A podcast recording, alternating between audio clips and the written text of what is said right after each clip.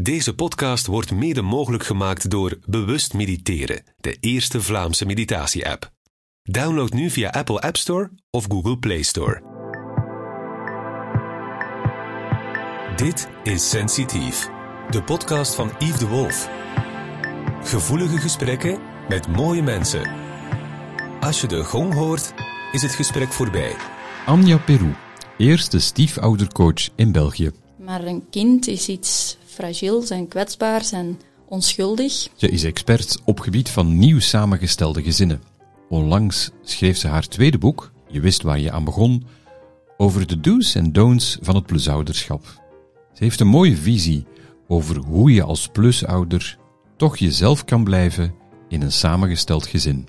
Eigenlijk is mijn pluszoon, die is eigenlijk voor mij mijn continue herinnering aan de les die ik voor mezelf te leren heb. Van, van, van bij mezelf te proberen blijven en mezelf niet, niet altijd opnieuw te verliezen. Maar hoe begon ze eigenlijk aan dit avontuur? Hij heeft mij gedumpt.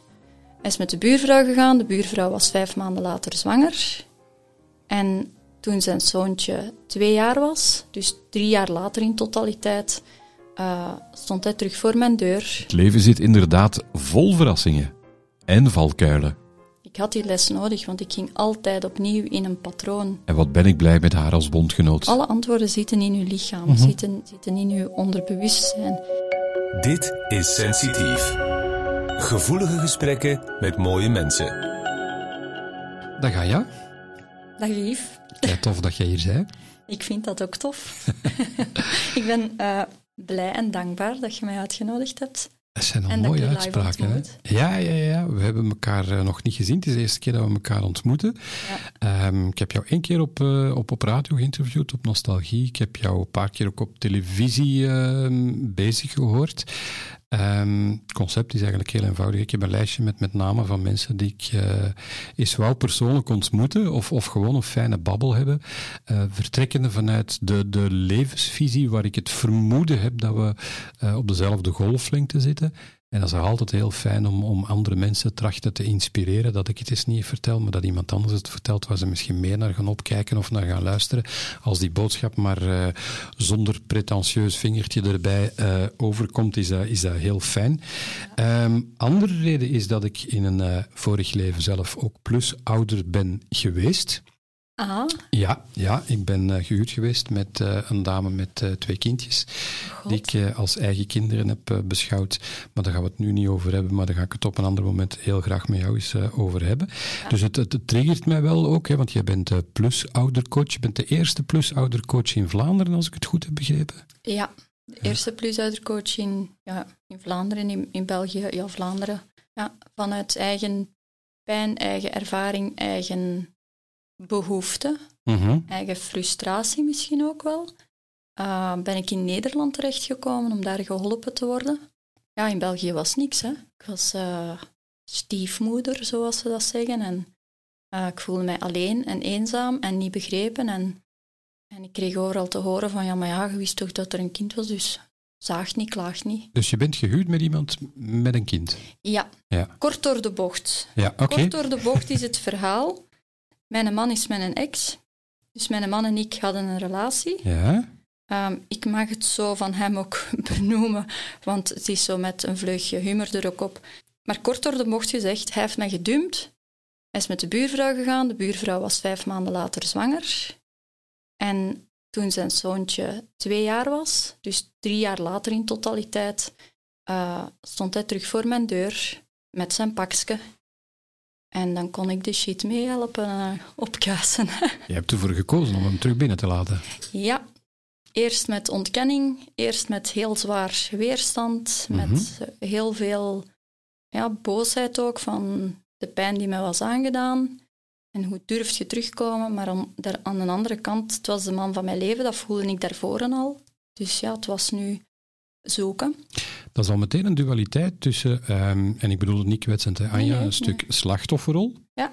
En toch voelen en eigenlijk ontkennen dat je gevoelig bent. Dus dat is een soort tweestrijd. Ja. Uh, en om het meteen maar te benoemen, uh, plus ouder, plus moeder of stiefmoeder, dat zijn maar rolletjes die we opnemen. Hè? Ja. ja. Is het dankzij um, jouw pluskind of, of, of de man dat je een spiegeltje hebt voorgehouden gekregen? Ja, het was een... Ik, ik ben eigenlijk daardoor, doordat het zo hard pijn deed, Mhm.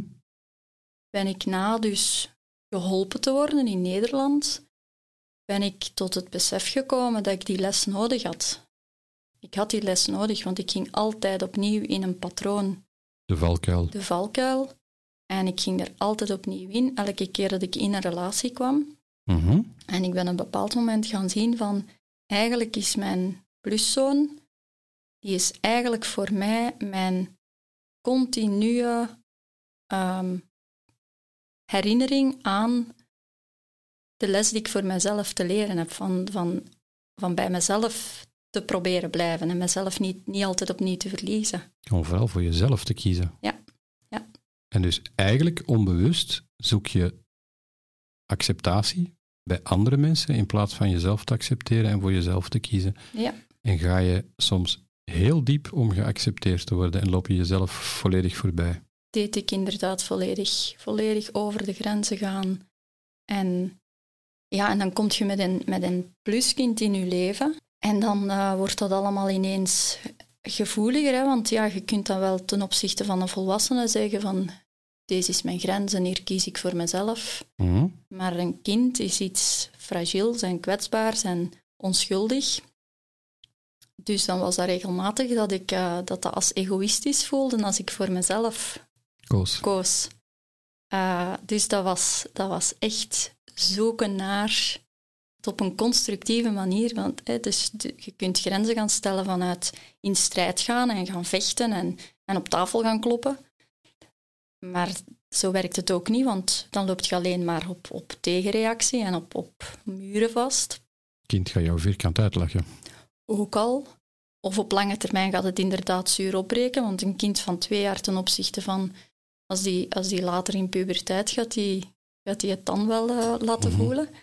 Ehm, maar ik heb echt geleerd vanuit, of, of ja, dat is echt een, een oefening geweest om te gaan leren vanuit innerlijke kracht, jezelf beter leren kennen, weten wat dat uw angsten, uw pijnen, uw triggers, uw, uw, uw valkuilen zijn, Ja.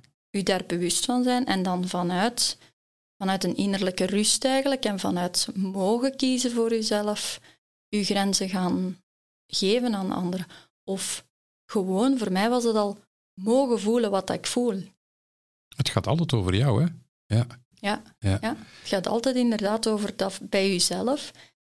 En je ziet met, in een samengesteld gezin, zit je met zoveel buitenstaanders die mee aan het waken zijn over, ja, die heel beschermend zijn naar dat kind, omdat er daar pijn aan vooraf gegaan is. Mhm. Dus alle buitenstaanders, heel dat dorp dat mee dat kind opvoedt, die staan allemaal mee te waken. Iedereen zit met de bril te kijken naar u van de boze stiefmoeder. Als die nee zegt, dan is dat omdat dat een boze stiefmoeder is. Terwijl dat je gewoon even nee zegt, omdat je... Dat, dat, dat imago van, van die boze stiefmoeder, dat, dat, Ja. dat blijft ons toch achtervolgen. Ehm, ik heb daar trouwens iets heel leuk van, van, eh, van gevonden. Spiegeltje, spiegeltje aan de wand. Wie is de mooiste van heel het land? Koningin, u bent de mooiste. Maar Sneeuwwitje, achter de zeven bergen, bij de zeven dwergen, is duizend. Hou op! Dat is de boze stiefmoeder, hè? Dus het Ja. blijft in, in, in leven gehouden worden. Ehm, zou het helpen om, om, om, net zoals in Zwarte Piet, eh, daar aandacht aan te besteden om, om dat uit de wereld te helpen? Dat is een open vraag, hè? Goh. Ik heb er mij lang zo dat ik mij er druk in maakte van goh, elk tv-programma dat ze maken, elk, eh, elk boek dat er geschreven wordt, elk verhaal dat er gemaakt wordt. De rol van de stiefmoeder, dat is de boze rol. Daar wordt nooit een stiefmoeder als lief en geweldig en Zoals de Allee. schoonmoeder. Ja. Heel vaak. heel vaak. Ja. Ehm, moet je daar dan gaan tegen vechten? En ja, nee, eigenlijk is dat dan, dan nog meer energie en meer aandacht gaan geven. Ik ben volledig akkoord hoor. Ja. Dus Nee, ehm, er is mij ooit op een, op een, op een groot congres was er, uh, ging het over samengestelde gezinnen, stiefmoeders, de, de rol van de stiefouder. En ehm, in het begin van, van dat congres werden er cijfers voorgesteld. Ze hadden, een, ze hadden statistieken en ze hadden uit die statistieken van alles gemeten over hoe dat het met samengestelde gezinnen was, enzovoort enzovoort. En ik zag al bij de start, bij die statistieken, van hier klopt iets niet aan die cijfers. Dus ik ging dat dan verder onderzoeken. En, enfin, dus ik kwam tot de conclusie van, ja, maar je hebt hier een bepaalde groepering die je gewoon uitgesloten hebt uit de cijfers. Ja, gewoon omdat je ze ook niet kunt in de cijfers vinden. Maar hier zijn een aantal, is een, die cijfers kloppen niet, punt. Mhm. Ik benoemde dat. Ja, dat was even paniek, want oei, een groot congres. Dat Weerstand. ging even in het water vallen met de cijfers kloppen niet, maar goed. Um, hebben ze toegegeven van ja, we kunnen eigenlijk onmogelijk meten hoeveel samengestelde gezinnen er zijn. Want je moet databanken hebben, dus we kunnen het onmogelijk deftig goed meten. Nadien in een workshop ging het erover uh, om in de maatschappij een plaats te geven aan stiefouders. En ze vroegen mij, omdat ik dan diegene was waar dat ze van gehoord hadden, ah, Anja Peru zit hier in de zaal, de eerste stiefoudercoach. Dus um, vroegen ze mij, is het een idee om aan stiefouders in de wet een, uh, een recht te geven, recht van spreken mee? Mhm. En daar heb ik toen op gezegd van ja, nee, doe dat niet. Want je maakt het allemaal nog veel moeilijker. Want het is nu al dat de biologische ouders moeilijk overeenkomen, soms, dikwijls. Ze zijn niet voor niks gescheiden. Als je dan die stiefouder ook nog eens een keer een papier in de, in de hand geeft van en ik heb ook iets te zeggen, ja, dan zit je met vier, als, als, als beide partijen een nieuwe partner hebben, zit je met vier partijen die op school misschien van, van hun neus gaan maken omdat ze recht van spreken hebben, omdat ze mee aan tafel moeten zitten. Dan maakt het alleen nog moeilijker. Mhm. Dus ik zei daar toen, ik zeg ja, geef niet een, geef niet een briefje aan de stiefouders van hier, je hebt recht van spreken, je zit mee in de wetgeving. Maar zorg er gewoon voor dat je die mensen erkenning geeft door ze in de cijfers mee op te nemen als je kunt. Of door te zeggen, we kunnen ze niet in de cijfers opnemen, want we kunnen ze niet meten, maar ze zijn er. Dus gewoon erkenning geven aan, het is een gegeven. Mhm. Punt. Is het niet zo dat, dat een plusouder dan eigenlijk het pluskind en, en kwik mijn woord, maar ik ga het wel noemen, een soort vorm van misbruik doet om erkend te worden, terwijl dat de ouder zichzelf niet erkent of respecteert? Wacht, nu ben ik even... Uh... Dus dat, dat de plusouder ja? het kind gaat gebruiken om eindelijk gerespecteerd te worden omdat hij of zij best doet om het kind op te voeden. Het is ja, een soort ja, boomerang. Het is, het is, weet je, stiefouders die komen in een, nieuwe, in, in een nieuw gegeven binnen, die voelen zich buitenstaander. En die gaan dan eigenlijk hun plekje zoeken en, Mhm. en, en erkenning, inderdaad, zoals gezegd. Die gaan erkenning zoeken, die gaan, die gaan bevestiging zoeken. Bevestiging van, ik mag hier zijn. Ja, en als die bevestiging komt door zo goed mogelijk voor dat kind te zorgen of door uh, de tofste plusmama te proberen zijn voor dat kind, dan gaan ze hopen om op die manier die erkenning en die bevestiging te krijgen. Maar die krijgen, dikwijls komt die niet. In vele gevallen komt dat niet. Tuurlijk niet. De oplossing ligt niet bij het kind. Voilà. De oplossing ligt niet in een nieuw huwelijk. De oplossing ligt bij jezelf. Ja. Hoe, hoe ik het zelf vervind in mijn eigen praktijk is het vertrekt altijd vanuit kiezen voor jezelf. Je zoekt Mhm. bevestiging, je zoekt of je hoopt om gekozen te worden. Je wordt afgewezen. Maar je wordt overal afgewezen als je niet voor jezelf kiest. Ja. En dus eigenlijk kruip je van de ene rol in de andere rol. Ja. En je vergeet jezelf. Ja. Kort samengevat. Ja, ja zo, daar, komt, daar komt het inderdaad op neer. Ja. De zoektocht is inderdaad uh, niet meer die erkenning te gaan zoeken bij dat de andere partner, de, de bio, uh, voor een plusmama dan, dat de biologische mama uh, u ooit eens een keer aanvaardt of respecteert of inziet wat dat je allemaal doet voor dat kind. Of dat uw partner eens een keer zegt van dank u voor wat je allemaal voor mijn kind doet. Of dat dat kind dank u zegt. Nee, het gaat over dat je voor jezelf ziet van kijk, dit is wie dat ik ben, dit is wat ik mee te brengen heb of wat ik, wat ik te bieden heb.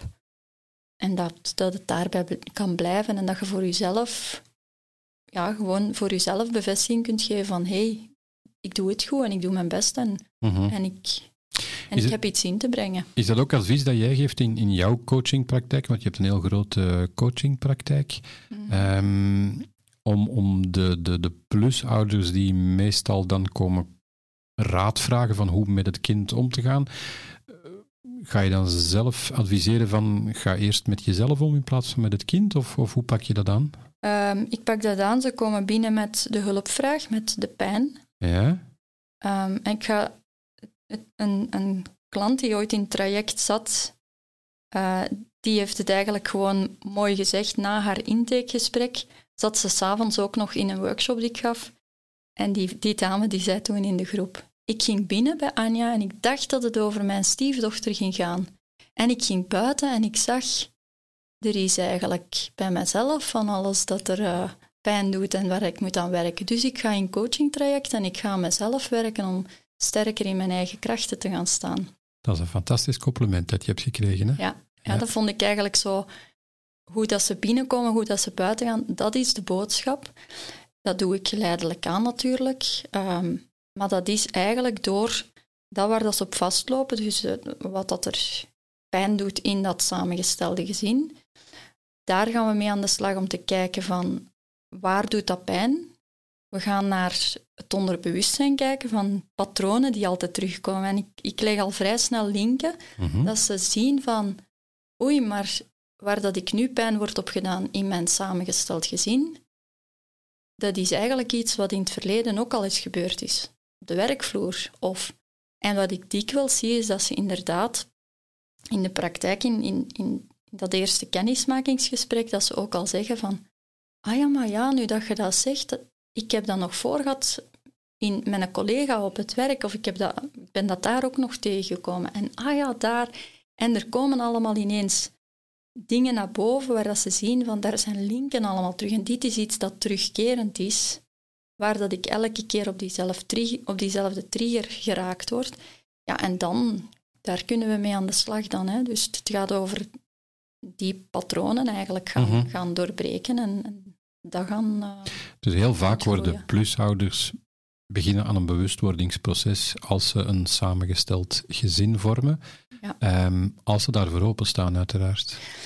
Ja, ehm, en als ze er nog niet voor openstaan, dan, uh, dan doet het nog geen pijn genoeg, zeg ik altijd. Mhm. Ehm, maar een samengesteld gezin, daar doet het zoveel pijn dat die bewustwording begint. Als in een klassiek gezin heb je bijvoorbeeld dat mensen al eens makkelijk zeggen van Ga, maar dat ligt aan de fase van de leeftijd van de kinderen. Of, ga, dat is even... Iedereen heeft dat voor, dat is even een, een, het is een fase, zeggen ze makkelijk. En in een samengesteld gezin kun je niet zeggen het is een fase, of je kunt niet zeggen oei, die collega's staan me niet aan, dus ik ga een andere functie zoeken. In een samengesteld gezin word je eigenlijk in één huis samengebracht. Je kunt de kinderen niet weggommen. Je kunt niet ervan wegvluchten, tenzij dat je uit elkaar gaat en, en opnieuw een scheiding doorgaat. Maar als je die partner zo graag ziet, ja, dan, dan, moet je er, dan moet je zoeken naar hoe ga ik hiermee om. En dan begint die bewustwording stilletjes aan. Is het ook niet zo soms dat um, door heel de problematiek van, van, van, van pluskinderen, dat er toch nog geopteerd wordt om, om een eigen kindje te maken. Ehm, kan dat ook geen vlucht zijn?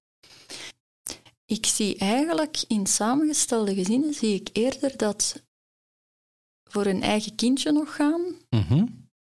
dat daar veel meer voor geaarzeld wordt. Dat er dus de wens wel is van samen nog een kind, maar er is veel meer aarzeling bij en veel meer ehm, ja, wachten of afwachten.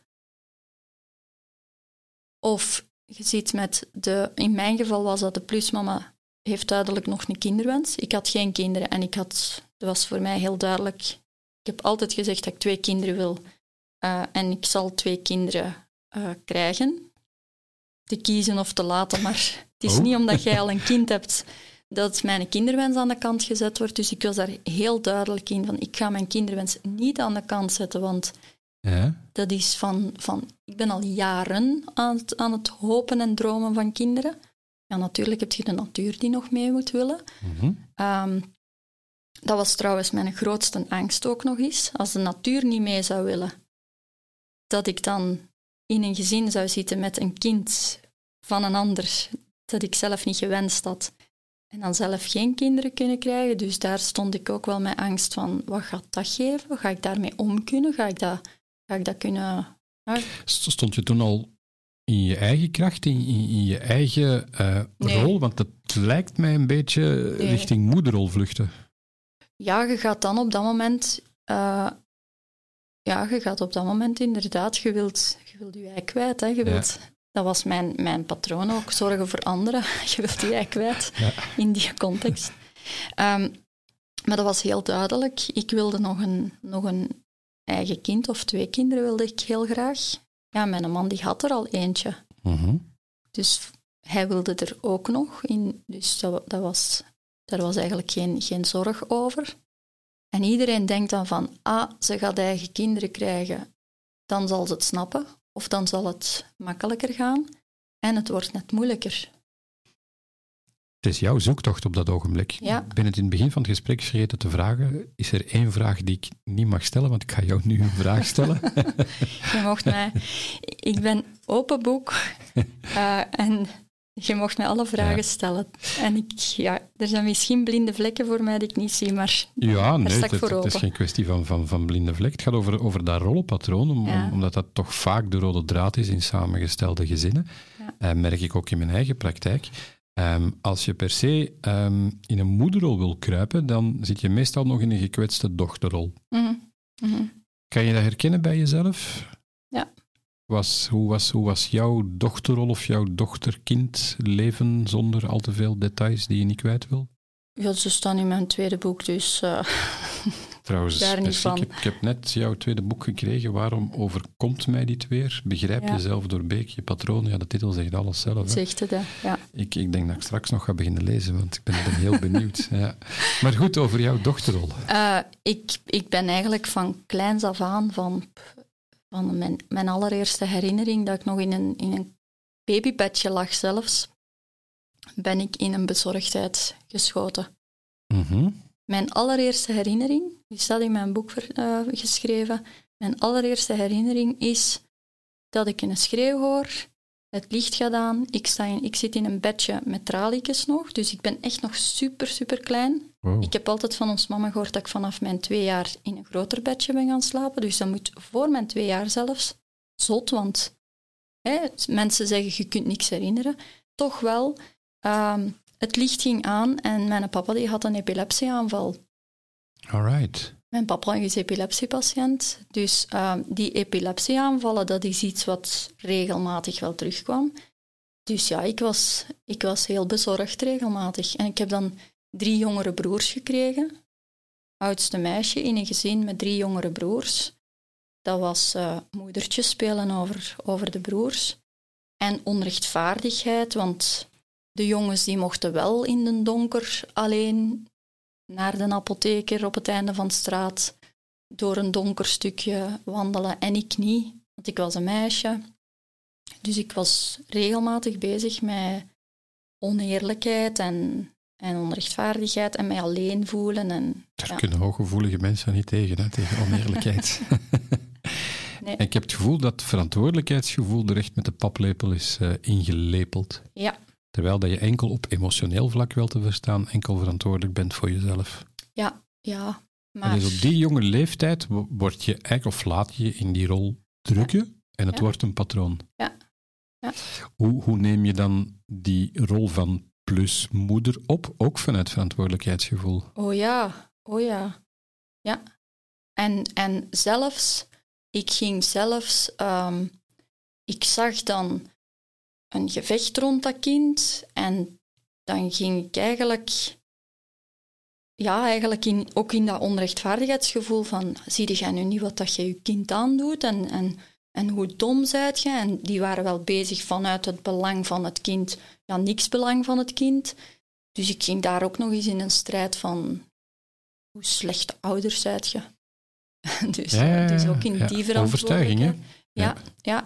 En, en, en mij niet begrepen voelen daarin, want ik was, ik was dan diegene die ging het eens verkondigen, hè, dat ze slecht bezig waren, maar niemand die mij hoorde. Ik stond in de, in de woestijn te roepen, precies. Ja.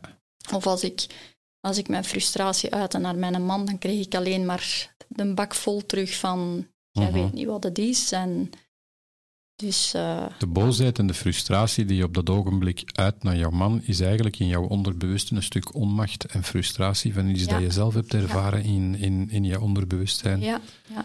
en vanuit het, het spiegelen van mijn eigen pijn naar mijn stiefkind. Mm en, en ja, eigenlijk vanuit een bezorgdheid voor hem, maar niemand zag het als bezorgdheid. Iedereen zag alleen maar een boze stiefmoeder die daar die daar eens even ja. de plak wilde komen zwaaien. En die bezorgdheid vertrekt vanuit het verantwoordelijkheidsgevoel. Ja, ja.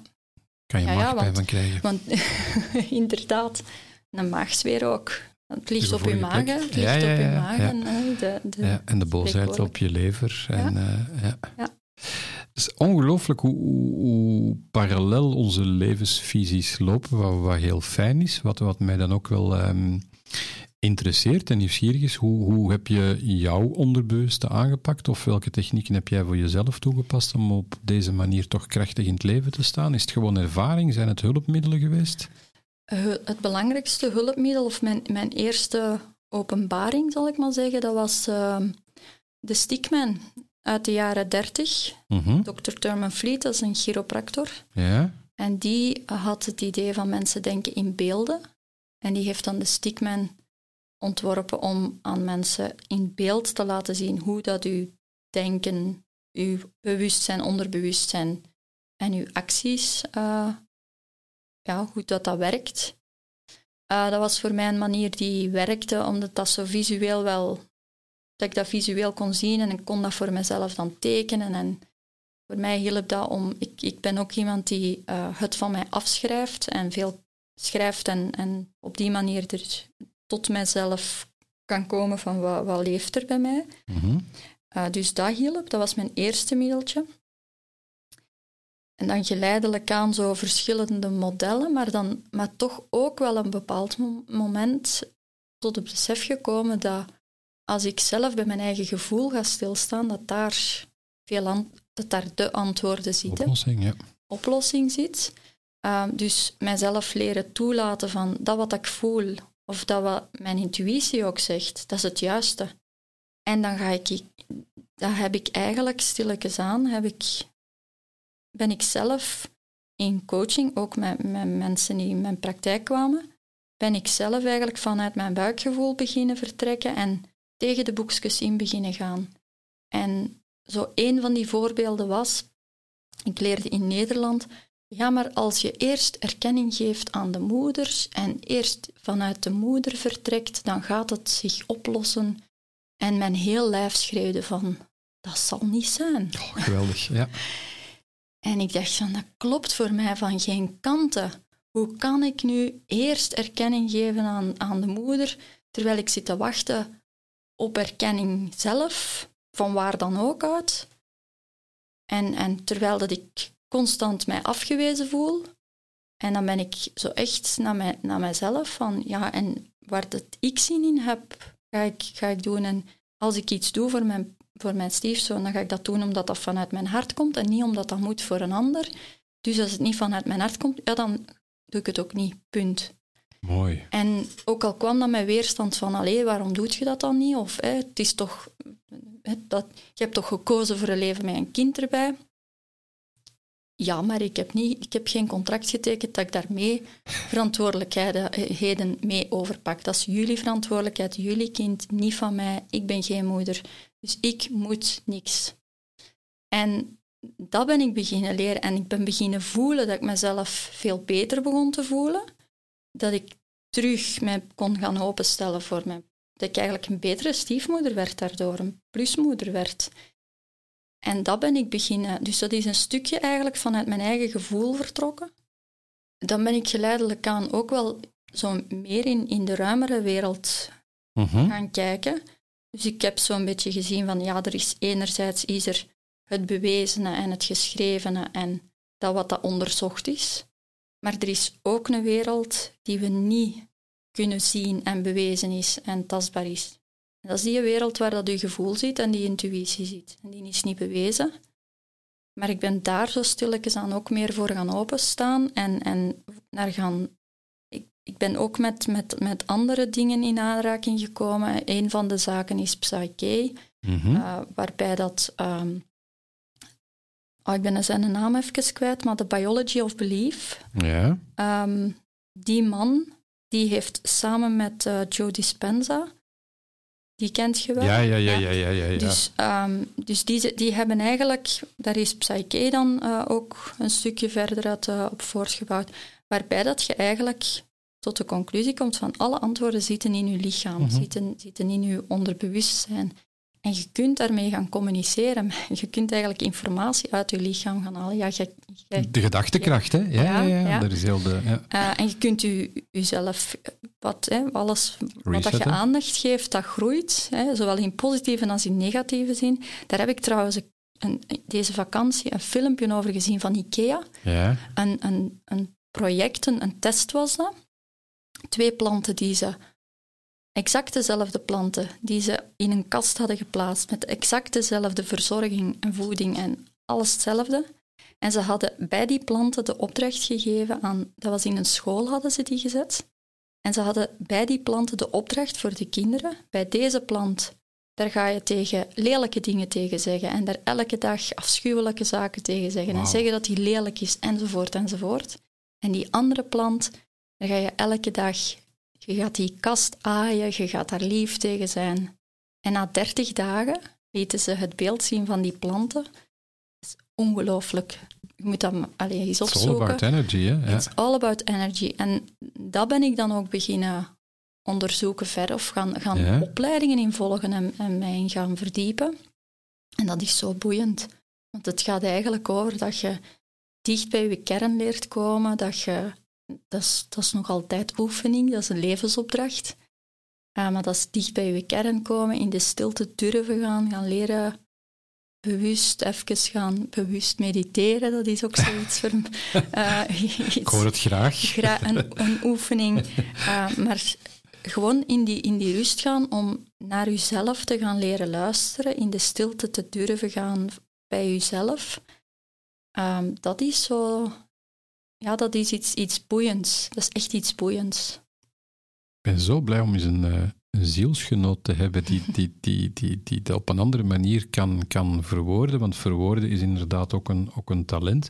Ik denk dat de, het gedachtegoed, de levensvisie echt overeenkomt. En het boek van Joe Dispenza, jij bent zelf de placebo, ik of dat je die kent, is eigenlijk een perfecte samenvatting en heel mooi uitgelegd van hoe dat je met je eigen krachten, met je eigen gedachten heel krachtig aan de slag kan gaan. En dat gaat verdorie heel ver. Ja, dat is echt, dat is echt super verrassend. En, Mhm. en ja, ja, dat is echt... eh, Z- Dat is, zijn- dat is een wereld die... Dat is, dat is een heel, heel verrassende wereld, heel boeiend ook, heel...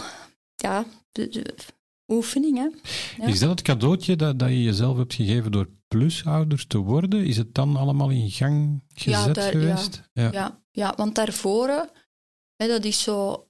ehm, bewustwording, dat komt al eerder op je pad, hè. Mhm. Daarvoor had ik al, was ik al met vele boeken. Ik was eigenlijk const- constant, was ik, als je mij in een boekenwinkel zag, dat was in de hoek van de boeken van persoonlijke ontwikkeling.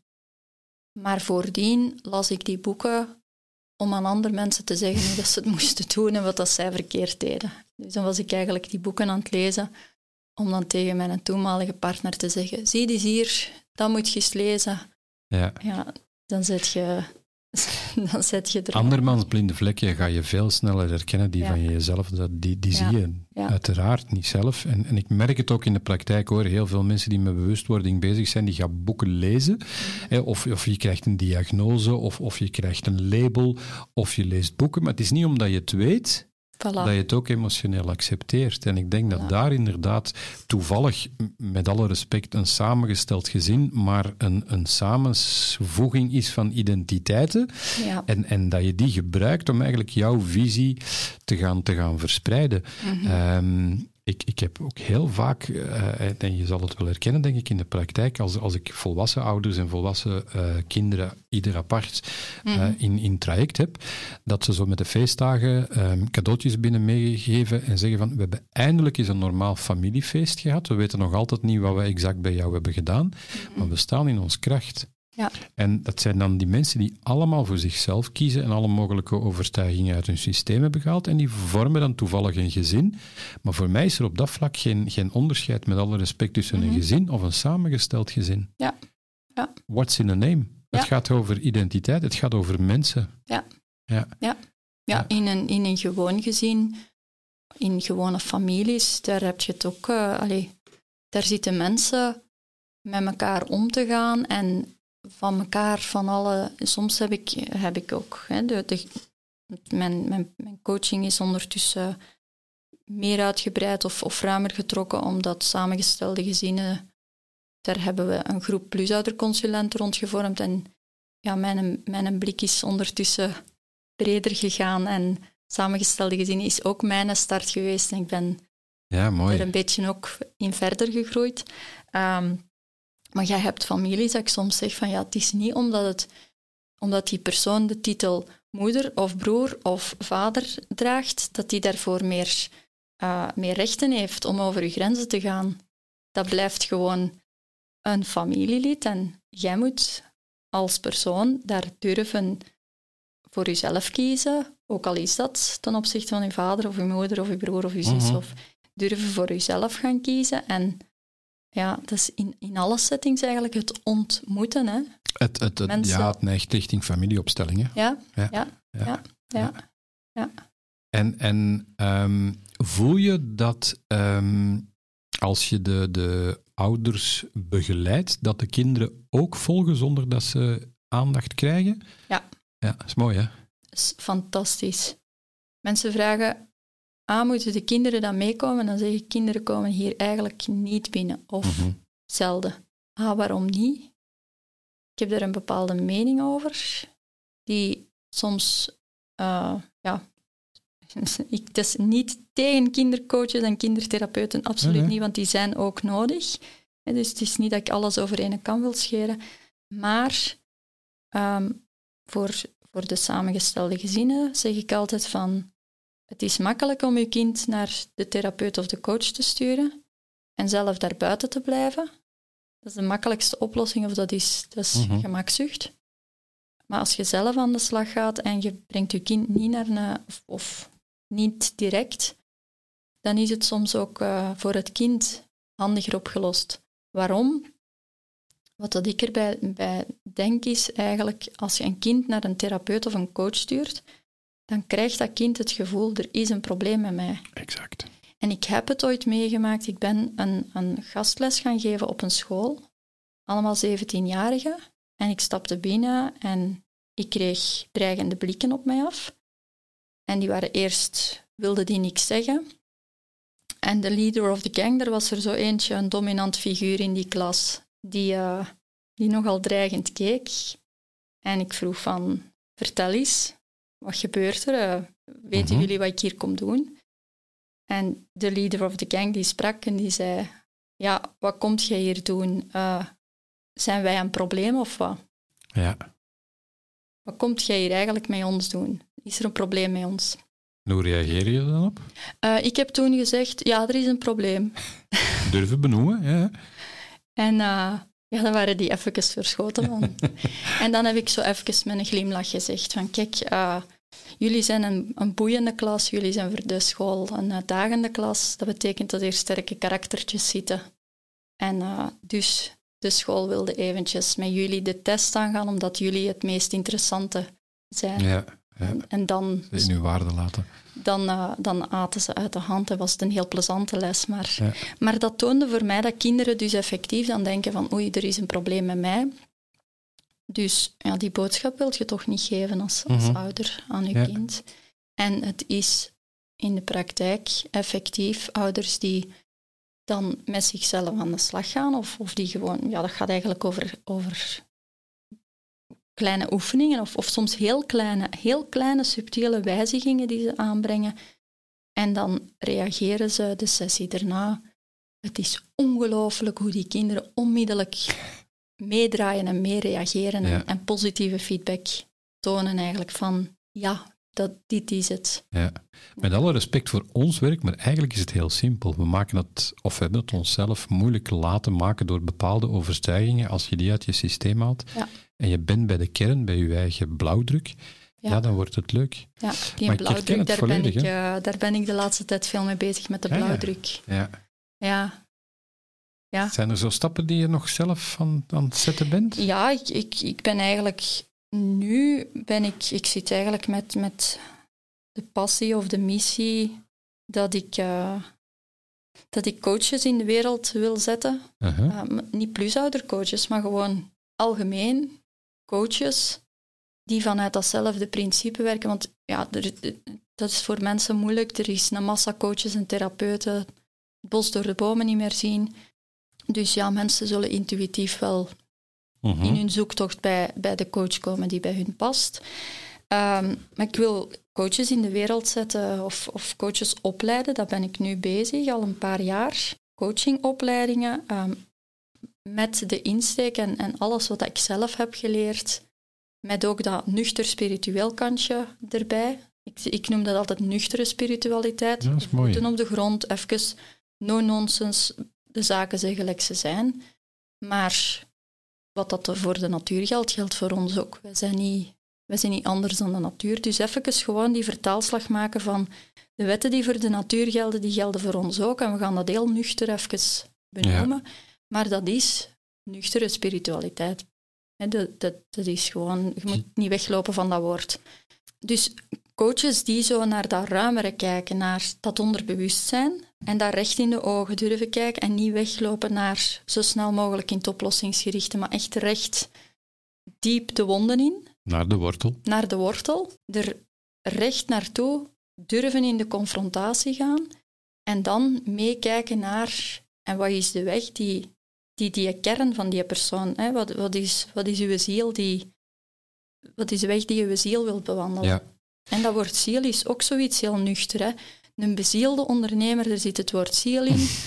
Je, gaat de dood, de, de ziel trekt uit je lijf. Dat is, dat is een, eigenlijk een heel gewoon woord.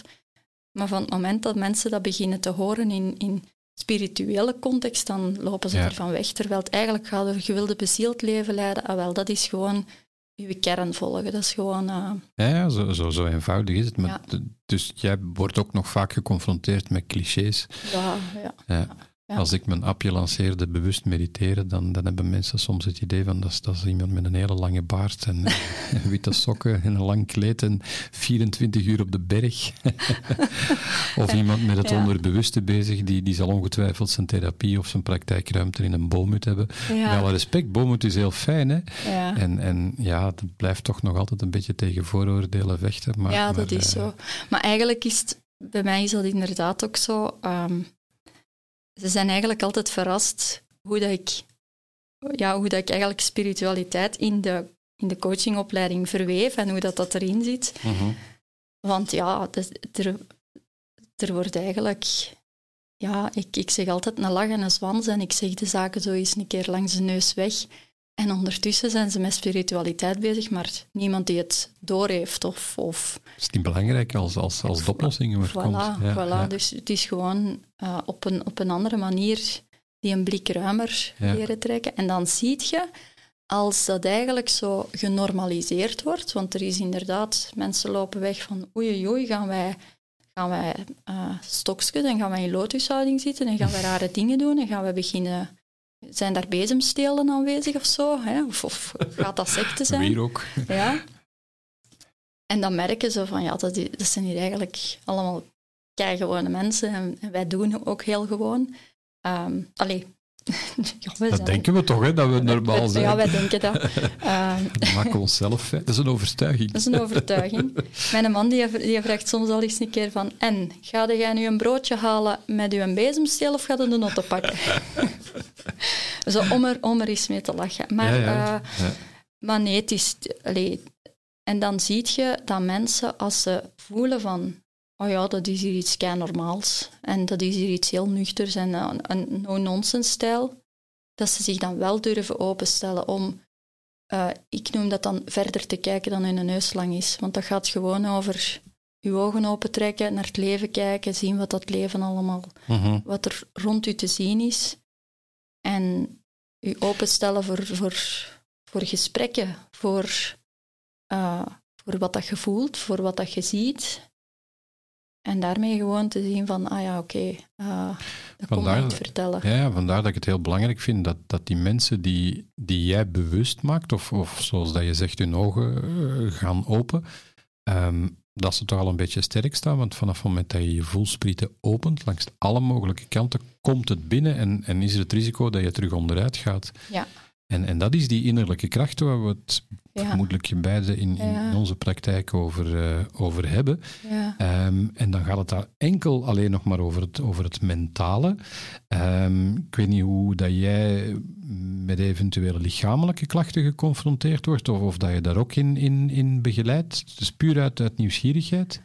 Um, ik ben, eh, daar ben ik ik weet eigenlijk niet zelf in hoeverre dat ik daar dan mee bezig ben, maar uh, het lichamelijke, uh, daar, daar, daar, ga ik niet aan voorbij. Maar ik, Mhm. mm -hmm. ik ben nu niet iemand die lichamelijk iets behandelt, maar wel als mensen in mijn praktijk over uh, iets lichamelijks vertellen, dan ga ik daar wel dieper op in.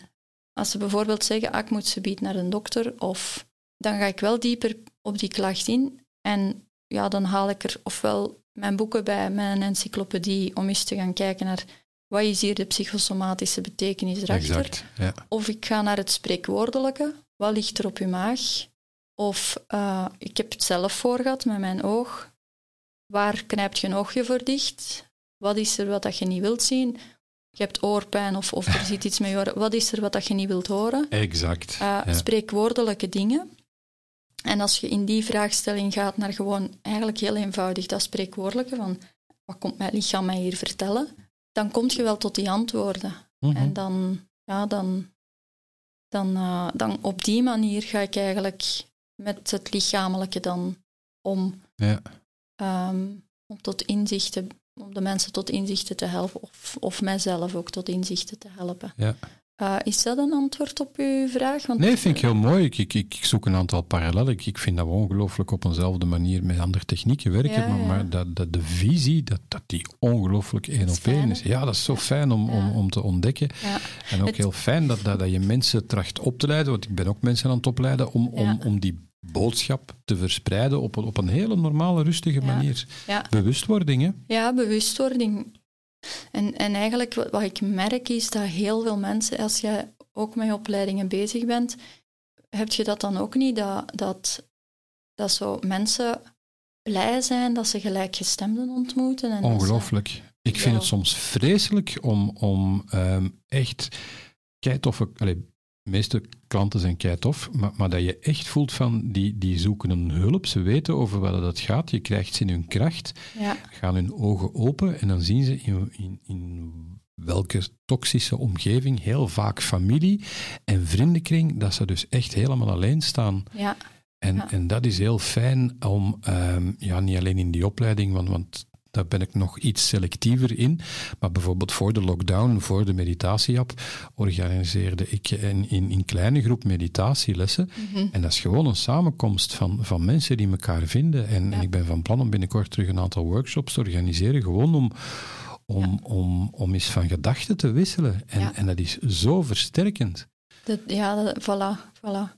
Dat is Dat is- inspirerend. Ja, mensen zijn er... Je, je merkt dat, dat, dat er in de wereld... Maar ik heb ergens gelezen over ehm, percentages ook, dat er... ehm, het zal nu iets meer dan 5%, 7% van de mensen is met bewustzijn bezig of staat bewust in het leven. Mhm. En dat percentage, ja, dat is, dat is eigenlijk weinig, hè? 7%. Ja, dat is gigantisch weinig. Ja. ehm, die bewust of bewust in het leven willen staan, ja, dat betekent dat er een gigantisch aantal onbewust is, maar dat dat aantal wel stilletjes aan aan het stijgen is. En Mhm. dat, dat is dus inderdaad wel, dat is elkaar aan het versterken. En ja, mensen die inderdaad ontdekt hebben van wat dat het u brengt om met uzelf in die zelfzorg te gaan, van, van in dat zelfbewustzijn te gaan, en te kijken naar, oké, hoe wil ik met mijn leven omgaan?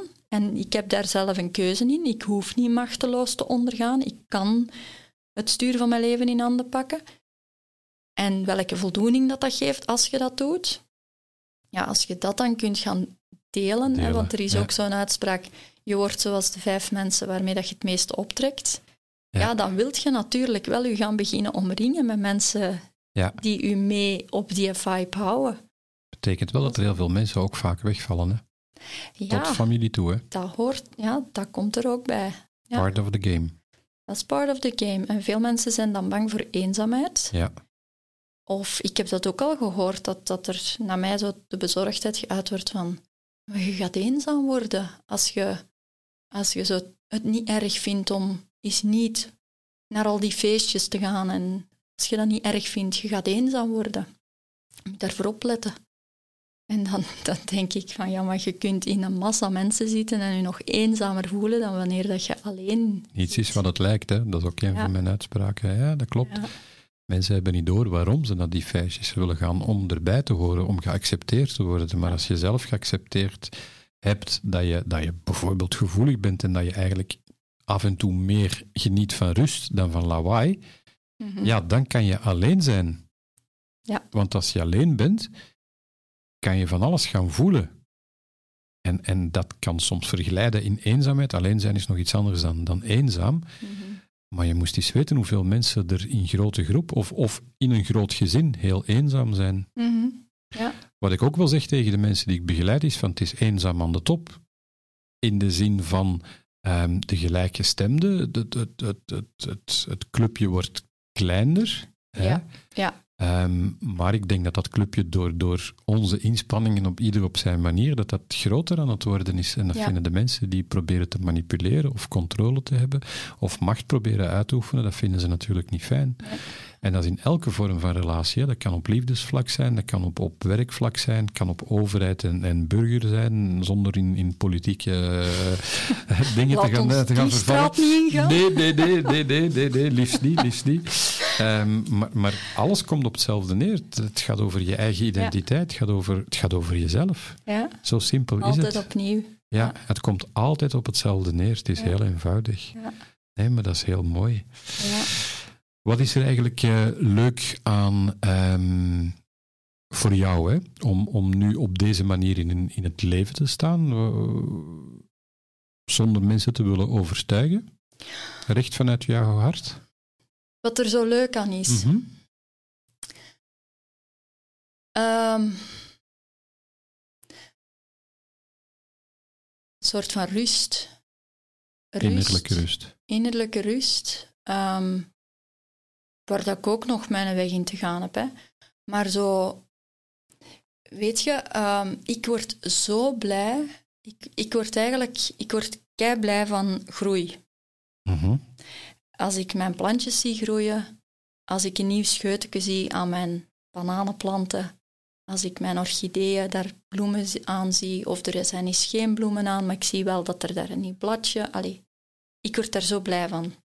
Maar eigenlijk is dat ook voor mijzelf, elke keer dat ik ehm, vroeger, als ik tegenslagen tegenkwam, dan was ik onderuit gehaald en dan, ja, dan, dan voelde ik me machteloos en stortte de wereld in en, en, en de wereld was om zeep of mijn leven was om zeep en het ging nooit meer goed komen en ik ging helemaal alleen in het leven staan. En... Waarom overkomt mij dit weer? ja, en toen wist ik dat allemaal niet. Ja. En nu Ehm, als ik, natuurlijk kom ik ook nog altijd dingen tegen. Maar nu is dat zo dingen tegenkomen waar ik eigenlijk soms te snel wil, wil zo van... Allee, wat, wat heb ik hier uit te leren? Welk inzicht heb ik hier ja, te doen? Dat is de reflex, hè? Ja. ja. En uh, ik weet dan, Anja, nee, geef jezelf de tijd om nu eens even te voelen. Voel dat maar eens even goed. Word maar eens boos. Ga daar maar eens even in. Laat dat maar gebeuren. Maar zo dat, dat, dat ding van, hé, hey, ik ben hier even in iets heel niet plezants aan het terechtkomen of terechtgekomen. Maar daarna, de groei die je daarna weer hebt gemaakt, of je hebt daar weer iets nieuws uit geleerd, of ja. En soms heb ik dat tegen mensen die dan komen klagen, die dan zeggen van ah, ik heb het zo moeilijk en, ah, en er, is, er zijn... Na een intakegesprek bijvoorbeeld heb ik dat ooit meegemaakt. Een vrouw die mij dan belde. Ja, en ja, er zijn zoveel emoties naar boven gekomen na ons gesprek. En ik zei daarop, vanuit enthousiasme en goed bedoeld, maar dat is keigoed. Mm En die zei mij nadien van, ik vond dat zo raar, zegt ze, dat jij dat zo zei, want dat is keigoed. Maar ik ben dan al enthousiast omdat ik weet van, ja, wat er gaat komen. Er gaat, gaat groei komen. Dus, dus zo herkenbaar, ja. Uh, dus ik denk dat het dat zo is, dat ik, dat ik daar uh, dat, dat, dat het leukste vind. Ik, het is niet van dat ik het leuk vind om andere mensen lesjes te leren. Ja, dat is leuk om andere mensen te inspireren. Uh, maar ook doordat ik met andere mensen bezig ben, want dat is ook zoiets heel tof in het werk waarmee dat we bezig zijn. Um, je bent eigenlijk andere mensen aan het helpen, maar elk van die mensen komt op je pad om jezelf ook iets te komen vertellen of brengen of iets uit te leren. En ook, ook dat, die wisselwerking. Tuurlijk, ja. dat, dat, ik soms tegen iemand iets aan het zeggen ben en dan tegelijkertijd denk ik van, hé, hey, dat is interessant wat dat je zegt. Dan moet je gewoon touw verstrakken, Anja. En dan ga Mhm. ik daar later zo, als, als dan die sessie voorbij is, dan sta ik daar nog eens even bij stil van, hé, hey, maar wat, wat is er nu gezegd geweest? En Ja, ja. dat was boeiend en ja, ja. Ik schrijf ook soms dingen op en dat ik dan even op mezelf uittest. En dan is het vaak gewoon een, een, ehm, ja, een reminder van, van een gevoelig plekje van jezelf. Een, Ja. een oude wonde die niet per se opengereten wordt, maar wel waar eens tegen getitst wordt. Ja, waar je gewoon even Ja. zo uitgenodigd wordt van eh, en, hoe zit het daarmee? Ja, ja, ja. ja, En dan denk ik altijd, dat zijn zo de, de, de examenvraagjes van het universum, zo, die komen zeggen. Exact. Ah wel, hoe zit het? Ken je les nog? Reminder, ja. ja. En als ik een klant eh, al iets beter ken, dan, dan durf ik ook wel eens zeggen, al lachend, van eh, ik ben hier elke dag in therapie op jouw kosten. ja. Maar je moet je Leren- opstellen. Hè. Leren op kosten van. Ja, ja, ja, dat is grappig. Nee, Ja. nee, maar dat is, dat is de wisselwerking. Hè. Eigenlijk helpen we elkaar en ondersteunen we elkaar op, op, eh, op dat vlak. Ja. En, de, en er is toch een, een soort van band die er ontstaat ook. Mhm. Ehm, dat is anders dan zo... ja, Het klassieke. de klassieke manier van eh, ik ben hier degene die het weet en mhm. je luister maar naar mij, want ik weet het, omdat de boekjes dat zo zeggen. Ehm, Volledig akkoord. ja, nee, Dat, en ik vind, ik zeg dat dan met coaching zo, maar eh, voor u is dat therapie, maar ehm, What's in the name? what's in the name? Ehm, maar dat is, dat is zo. Het gaat niet over wat dat je allemaal weet en wat dat je allemaal te vertellen hebt aan theoriekjes die je geleerd hebt. Het gaat over wat dat je zelf ervaren hebt in Exact. je eigen leven en dat je zelf in je eigen leven ook zo die constante eh, drive hebt om, om zelf verder te groeien en, te leren en te ervaren. Ja. Dat, dat, dat vind ik zo boeiend aan, aan heel dit... Een stukje uit eigen ervaring bij jou, eh, het kinderverhaal. ja. Ehm, bij mij is dat niet doorslaggevend geweest. Is het vooral burn-out en, en narcisme Mhm. wat ik ondervonden heb. ja, Ehm, en, en dat je inderdaad, dat dat het poortje is van waaruit dat je vertrekt. Maar uiteindelijk willen we beide en, en samen met andere collega's dezelfde boodschap brengen. ja, En daar is nood aan, aan, aan, aan bewustwording. ja. En dat, is, dat, dat, dat, dat merk je als je nu als, als therapeut of als coach onder elkaar praat. Eigenlijk merken we allemaal hetzelfde op van er is ongelooflijk veel nood aan, aan heel vaak gewoon gezond boerenverstand. Dat is het, ja. En die overtuigingen die nu puur technisch zijn, van, van, van ja, dat is het DNA, van, van hoe dat een kind is samengesteld, stukje papa, stukje mama en al wat dat je meemaakt, opvoeding en alle mogelijke relaties. Als je dat kunt ontleden door, door een bepaalde techniek toe te passen, dan kom je bij die kern, dan kom je bij die blauwdruk. Ja, En dan is het heel simpel. Ja. Ja. ja. ja, het is inderdaad dat gezond boerenverstand. Hè. Mhm. Ja. Ja. En ik weet, eh, dat, dat brengt mij zo naar mijn overgrootvader. Dat was zo een gezond, dat was een boer, gezond boerenverstand.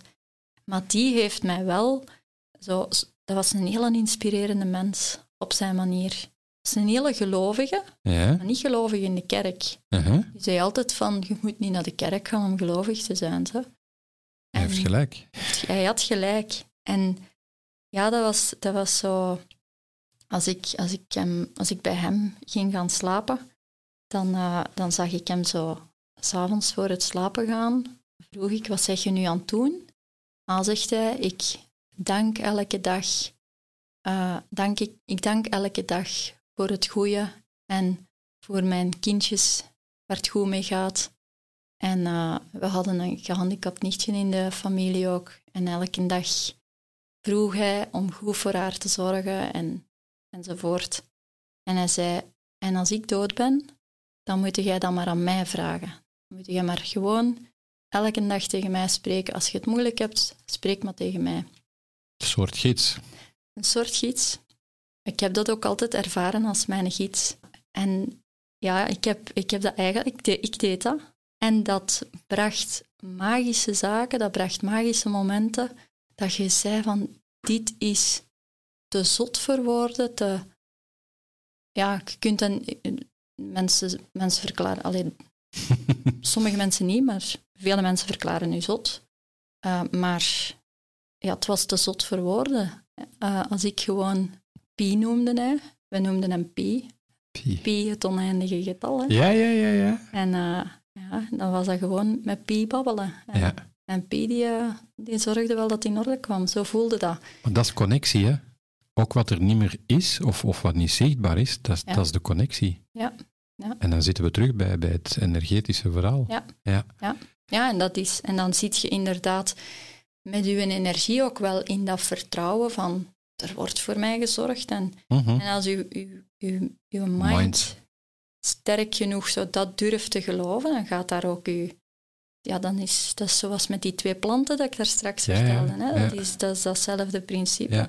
Dat is trouwens iets wat Einstein heeft uh, met de kwantumfysica gezegd. Hè? Tuurlijk, zeg ik vaak. Ja, ja. Degenen die het niet willen geloven of het allemaal gekkebek vinden, ah, wel, dat ze gaan kijken naar Einstein. Ja. Die heeft het allemaal gezegd bij de start. Dus ja, geloofde niet in spiritualiteit, ja, dan heeft Einstein niet bestaan. Jammer. En dan werd het stil. Jammer dat je daar niet in gelooft. Ja, ja, ja nee, klopt, klopt, klopt. We hebben het over jouw overleden grootvader. Misschien luguber onderwerpje. Er komt ooit een, een einde aan ons fysisch bestaan hier. Ja. Je bent redelijk bekend, hè, dus je zal het nieuws halen. Um, denk je dat? Wie weet. Ik denk als, als je mooi werk blijft leveren, dan, dan, dan zal de media er wel op springen. Mensen hebben, media hebben ook nood aan, aan inspirerende figuren. Zonder het BV-schap of wat dan ook, maar gewoon vanuit een authenticiteit. Nee, nee, helemaal niet, maar vanuit authenticiteit. Ja. Hoe zou je willen dat men uh, op de VRT of op VTM over, over jou uh, praat? Wat, wat, wat wil, wil jij achtergelaten hebben? Dat is die van het gezond boerenverstand. Dan mag je op de grafsteen staan. Ja. Ja, ja eigenlijk... Die heeft ons geholpen, zo niet van die heeft dat gedaan, maar die heeft ons geholpen om, om terug dichter bij onszelf te komen of met de voeten op de grond te mhm. komen en in, in, in, naar, ja, dichter, bij, dichter bij hun eigen kern ja. te komen. Die heeft, die heeft daar een belangrijke bijdrage in geleverd om, om mensen hun eigen handleiding mee te laten vinden. Ik vind het heel mooi verwoord dat je zegt bijdragen, want, want, men denkt vaak dat wij de oplossing zijn. Wij, wij begeleiden, wij wandelen even mee, mm. maar het is de klant zelf die, die het werk verricht. Hè? Ja, ja, vind, Ik, vind ik heel mooi. Wij zijn, ik, ik, ik, ik heb ja, daar, daar straks als we eventjes aan, aan het babbelen waren. Toen heb ik het ook gezegd, we zijn maar een kanaal. Hè. Wij, als, ik, als ik mijn eigen boeken schrijf, geschreven heb, en ik lees dat dan achteraf terug, en ik ben verrast over wat ik geschreven heb, ja, dat is dan dat, is dan dat hè, want ik heb dat dan een bepaald moment geschreven in een flow, en achteraf lees ik dat terug, als lezer dan, want dan zet ik mezelf in, nu ga ik dat als lezer lezen, want ik zijn dan workshops aan het geven met het boek voor andere mensen om daar meerwaarde en om gelijkgestemden samen te kunnen brengen. Dus ik lees mijn, ik heb het voor gehad, ik was het aan, aan het lezen en ik kom zo ineens tot een inzicht van, oh, dat had ik nog nooit zo gezien. Ja. En dat is zo een, dat, is, dat toont eigenlijk aan dat je een kanaal bent, dat je in flow iets brengt. Dat is voor muzikanten ook zo. Die, exact. Die zitten in een flow en die zijn eigenlijk op dat moment een kanaal van, van inspiratie. En dan achteraf zijn die dikwijls ook wel verrast over. Want ja, dat, dat verrast mijzelf ook. Ja, ja, ja. Of die kunnen er zelf door ontroerd zijn ook, door iets wat dat ze zelf dan hebben ingezongen Ja. of zo. Maar dat ze zelf opnieuw geraakt worden tot tranen toe. Dus, Dat is afstand van je ego, hè? ja, Ja, oh, dat is wel, mooi, hè? dan, dan moeten we zo, Ja, zoveel nog leren daarin. ja. Ah, wel. Die heeft eh, bijgedragen aan, aan, mijn voor, aan mijn vorder van mijn praktijk. Mijn man heeft dat ontworpen. Hangt een plakkaatje. Ego, hier wacht ik op mijn baasje. Dat mag op mijn grafzerk, dat plaatje. Heb, je zelf last nog van, van een stuk eigen ego, denk je? Ja, dat is tot de dood, tot de Ja. dood u scheidt van uw lichaam. Allee, ik, Niks mis mee, hè? Er is niks Ja. mis mee. Ik Ja. ben en blijf gewoon mens. Hè. De dag dat, ik, eh, dat er niks ego overschiet, ja, dat is een dag dat dat gedaan is met mij, denk ik wel. Ik heb, ik heb sowieso, het is niet omdat ik met, met bewustwording en persoonlijke ontwikkeling bezig ben. Hè, als slechts 5% van de mensen bewust bezig zijn en als je weet, je onderbewustzijn is voor 90% van de tijd uw automatische piloot, ook voor mij.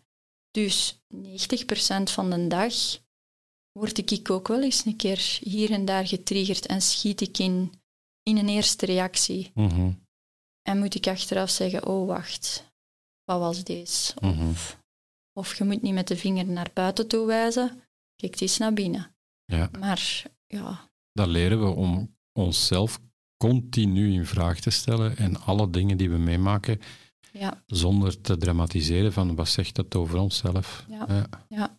En, en ja, die eerste laag is altijd, dat is menselijk, dat eerste laagje is ego. Ja. Vond het ongelooflijk inspirerend en verrassend en toch niet hoe, hoe, hoe, dat we toch nog meer op dezelfde golflengte zitten. Ik krijg krijg er warm van. Ja, vind, vind, vind het heel tof. Buiten het verhaal dat je via deze podcast jouw boodschap op een hele enthousiaste manier brengt, kunnen mensen jouw visie ook nalezen in jouw twee boeken? Heb ik dat goed voor? Ja, mijn, mijn, mijn tweede boek eigenlijk nog meer. Mijn Ja. eerste boek was echt gericht op plusouders. Ja. Ehm, mijn eerste boek, dat is, ja, dat is waar ik toen stond. Dat is Mhm. 2014 uitgebracht. Dat is Je wist waar je aan begon. Waar ik zo de modellen die mij hielpen om ermee om te gaan met, eh, met de eigen pijnen, eh, die kunnen ze daarin lezen. Dus dat zijn ook modellen die, die voor iedereen helpend zijn. Mijn tweede boek, eh, daar is het eigenlijk mijn eigen groeiproces ook geweest. Dat ik, ja, dat ik eigenlijk eh, een totaliteit wilde neerzetten. Dus dat boek is ook opgesteld vanuit verleden, heden, toekomst. Mhm. Je kunt niet oplossingsgericht, toekomstgericht oplossingsjes gaan bedenken als je niet eerst eens even de moeite doet om je verleden eens een keer recht in de ogen te kijken en om daarbij stil te staan. Ehm, dus mijn, mijn tweede boek is completer, vind ik persoonlijk. En, en ja, dat is... eh, Ik ben zo benieuwd om het te beginnen lezen. Hè. eh, ja, Ik vind, ik vind het mooi. Waarom overkomt mij dit weer? Hoe vaak heb je dat de laatste tijd al gedacht? Wat je ook probeert, altijd weer heb je dezelfde conflicten met je partner, je kinderen, je ouders, je schoonouders, je collega's. Altijd weer is er die lastige baas. Altijd weer diezelfde ontgoocheling, pijn of crisissen. Ja, fantastisch. Ik ben, ben, ben super benieuwd. ja. je gaat mij nog beter leren kennen in het boek. Ja, maar ik denk dat ik jou al verdorie heel goed kende. Ja, ja. ik voel het toch heel goed aan. Mijn, mijn twee boeken zijn, dat is zoiets wat, mijn twee boeken die zijn alle twee geschreven waarin ik heel veel over mijzelf blootgeef. Mhm. En eh, ook dat, dat is niet vanuit mijn ego dat wil vertellen over mijzelf of in de picture wil staan, maar dat is echt zo vanuit de gedachte, dat was met mijn eerste boek zo, eh, vroeg mijn man op een bepaald moment van, alleen moet dat, moet dat nu echt zo, alles, je hangt nu net, nog net mijn onderbroek nog niet buiten Mhm. moet dat nu echt? En toen zei ik hem, ik zeg, kijk, ik wil mensen ertoe aanzetten om te durven praten over wat ze voelen. Tonen. Dan moet ik niet mijn eigen potje dicht houden. Dan moet ik zelf het voorbeeld eerst geven, mezelf te durven in mijn blote te gaan staan Mhm. Moet ik mijn eigen potje niet dicht houden. En dat is eigenlijk wat, wat ik zo doe met mijn boeken, is iets over mezelf blootgeven, hoe dat ik er zelf mee omga, wat, wat dat er mijzelf ook pijn doet, wat mijn eigen patronen zijn, om op die manier mensen te inspireren en, en, uit te nodigen van wat betekent dat voor u? Ja, ja. ja, doe je in de praktijk waarschijnlijk ook, in, in, de coaching. Ja. Ook in de therapie, dat ik af en toe dingen vertel, zelfs, zelfs van mijn familie of, of privé of wat dan ook. Juist met de bedoeling om het te kunnen kaderen van ik weet waar dat je het over hebt, je moet je daar niet over schamen. Die dingen gebeuren niet helemaal. En mensen zijn toch dankbaar dat je dat doet. Er wordt zo in opleidingen gezegd, je mag dat niet doen, je moet er buiten blijven. Ja, bullshit, dat is niet waar. Mensen hebben echt graag van heb een partner in crime gevonden, denk ik. nee, nee, maar dat is ook zo. Dat zeg ik in, in mijn opleidingen ook van. Dat is niet waar. Je moet je klanten niet als uw, als, als, als uw therapeut gebruiken. Je moet zelf wel er een stuk verder in staan. Maar allee, het is zo dankbaar voor uw, voor uw klant die dan ziet van... Ah, maar jij hebt dat ook tegengekomen. Ah, oké, dat geeft mij hoop of dat geeft mij zijn, het zijn allemaal stukjes die meehelpen in het helingsproces, mijn inziens. Ja, ja absoluut. En, en, en, alles hangt ervan af van welke onbewuste intentie dat je doet. Als je het doet om het te delen, als je het vanuit je hart doet, hè, leef vanuit je hart. Ja. Um, ik had ooit, ooit een opmerking gemaakt, heel spontaan. Um, uh, ja, je, je, bent, uh, je bent nogal hard in je hoofd, hè. je bent met iets te weinig aan het voelen, uh, wat dan duidelijk klopte. En, en ik kreeg het dan van, van van de arts te horen die uh, haar had doorgestuurd van je hebt die opmerking gemaakt. Zeg ja, dat kan zijn, maar ik weet niet wat ik zeg op dat ogenblik. Dat is dat kanaal dat, dat, dat, je er spontaan goed bedoeld uitzegt. Ja. Uh, die persoon is zes maanden weggebleven, is nadien teruggekomen en ik heb een ongelooflijk mooi cadeau gekregen. Mhm. Dus alles gebeurt met, met een welbepaalde reden. Als je niet wil kwetsen, ja, het is vooral degene die het ontvangt die een issue heeft zonder waardeoordeel. Ja, ja, ja. ja, ja. ja soms zegt je iets dat je... Ja. Ik heb dat regelmatig voor, dat mensen zeggen, jij hebt toen dat gezegd. En dat is zo hard binnengekomen, of dat heeft mij zo hard doen... Ik heb ervan wakker gelegen. En dan, dan denk ik... Echt? Heb ik, nee, dat herinner ik me niet. Dat heb ik niet gezegd. Ja, ja. nee, zeer, zeer, zeer, zeer herkenbaar. Ja. Maar dat denk ik dat een bevestiging is, als we, als we al zo arrogant mogen klinken, dat we het echt beide vanuit ons hart doen en dat, we, dat we het echt oprecht menen en, en dat we achter onze boodschap staan en dat we inderdaad heel consequent het ook zelf beginnen, beginnen toepassen. Ja, ja. ja dat, dat vind ik een heel belangrijk, zo ja. walk the talk principe. Hè. Ja. ja. Zeg, en, en um, heb je nog bepaalde plannen buiten het opleiden van coaches? Uh, nog dromen die je wil, wil verwezenlijken? Of, of blijf je gewoon bezig zoals je bezig bent en dat is ook meer dan oké? Ehm, de droom nu, de droom nu op dit moment is verder blijven bouwen wat dat begonnen is. En um, Dat is ook niet, niet ik, dat is zo de voorzichtigheid. Ik, ik wil absoluut in de bescheidenheid blijven, maar ik wil zo het, uh, het uh, zoals dat je bij de slagers het keurmerk hebt.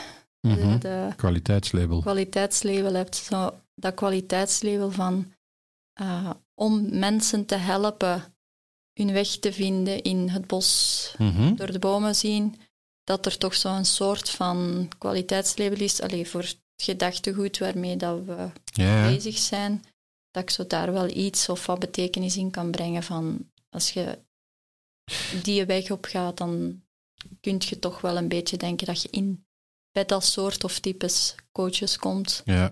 Ehm, om, om daar een weg in te helpen. Denk je dat het label nodig is? Gaan de mensen het niet vanzelf automatisch vinden? De juiste mensen komen op de juiste plek? misschien moet ik daar inderdaad ook in dat vertrouwen. De mensen komen op de juiste plek. Ja. ja, dus ja, is, dat is uh, een, een goede vraag. Is dat ego gestuurd of is dat... Um, ja. ja.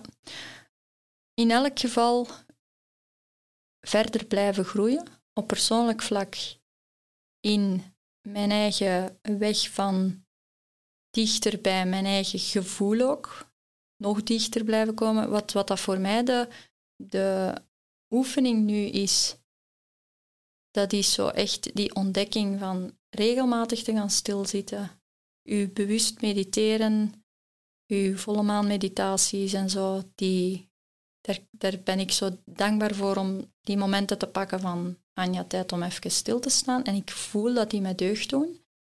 Um, Waarvoor dank. Ja, jij ook. En dat is iets waar ik de oefening in wil van, van daar mijn ritueel van te maken. Dat dat zo mhm. een vast gegeven wordt in mijn leven. Gewoon eigenlijk zoals ik mijn tanden zou poetsen. Dat is op dit moment nog niet het geval, maar dat is mijn wens, dat, dat het dat wordt.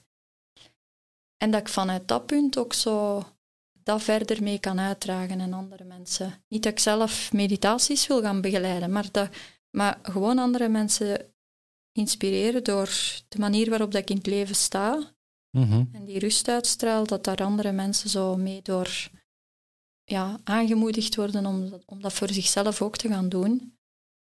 En bijkomend, uh, de coaches die in mijn opleidingen zitten, dat ik hun dat in eerste instantie meeleer. Dus dat is zo mijn eerste kanaal waar dat ik het aan wil meegeven, zodat zij op hun beurt andere mensen kunnen gaan, uh, gaan inspireren. Mm dus het begint daar ook bij mezelf. Hè. Zelf verder blijven groeien op de weg die ik, die ik inzet en waar ik voel dat er nog te leren valt. Mm ja, dat, Gewoon zijn. Ja, en dan komt er zo een beeld. Nu komt er wel zoiets heel zweverigs als beeld uh, naar boven. Maar dat is ik zo in een wit kleed op, op, op, op een... Op het engeltje. Met een gouden gloed rond mij ziet. En dat, en dat een aureooltje. Ja, er komt zo'n kroontje boven mij. Ja. Uh, boven mijn hoofd. Uh, dat is een foto voor het volgende boek. Stel je voor. Nee, ja. ja nee, even alle gekheid op een stokje. Maar dat is zo wel uh, licht kunnen zijn voor anderen en, en zelf ook wel een beetje uh, licht in mijn hoofd worden. En dat is niet bedoeld van licht in mijn hoofd, uh, maar bedoeld vanuit. soms ben ik zelf ook veel te veel vanuit het hoofd. Allemaal. allemaal. allemaal. Um, en dat zou ik, ik zou zo de lichtheid in mijn hoofd toch wel ja. meer willen opzoeken. De intentie. Ja. ja. Ongelooflijk mooi. Ik vind jou um, nog, nog, nog inspirerender dan ervoor, waarvoor ik jou op het lijstje heb geplaatst. Ik vond een ongelooflijke fijne babbel. Ik hoop dat jij ervan genoten hebt. Ik hoop dat jij blijft mensen inspireren. Um, blijf, blijf de, de, de plusouders duidelijk maken dat het over hen gaat. Vertrek vanuit de problematiek. Uh, maak ze bewust van zichzelf dat de oplossing bij hen ligt, niet bij het kind. Uh, voor het kind ligt de oplossing niet bij de ouders, bij het kind ligt het ook de oplossing bij. En, en ik denk dat we samen op die manier een, uh, ja. een, een, een, fijne, mooiere wereld maken. Ja. Voilà, als de gong gaat, dan is het gesprek voorbij. Ik zou nog uren kunnen verder doorgaan. Ja, hè? Eh, ja, ik, ik denk dat er ongetwijfeld nog wel eens een vervolg gaat, uh, gaat aankomen. Misschien kunnen we eens gaan vergaderen met ja. wat lekkers erbij.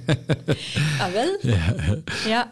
ja, gaan we doen. Ja, boeiend, hè? Ja. Dit was Sensitief. Gevoelige gesprekken met mooie mensen. Dus als het niet vanuit mijn hart komt, ja, dan doe ik het ook niet. Punt. Wil je meer? Volg dan Sensitief op Facebook, Instagram en YouTube. Sensitief de podcast van Yves de Wolf. Deze podcast wordt mede mogelijk gemaakt door Bewust Mediteren, de eerste Vlaamse meditatie-app. Download nu via Apple App Store of Google Play Store.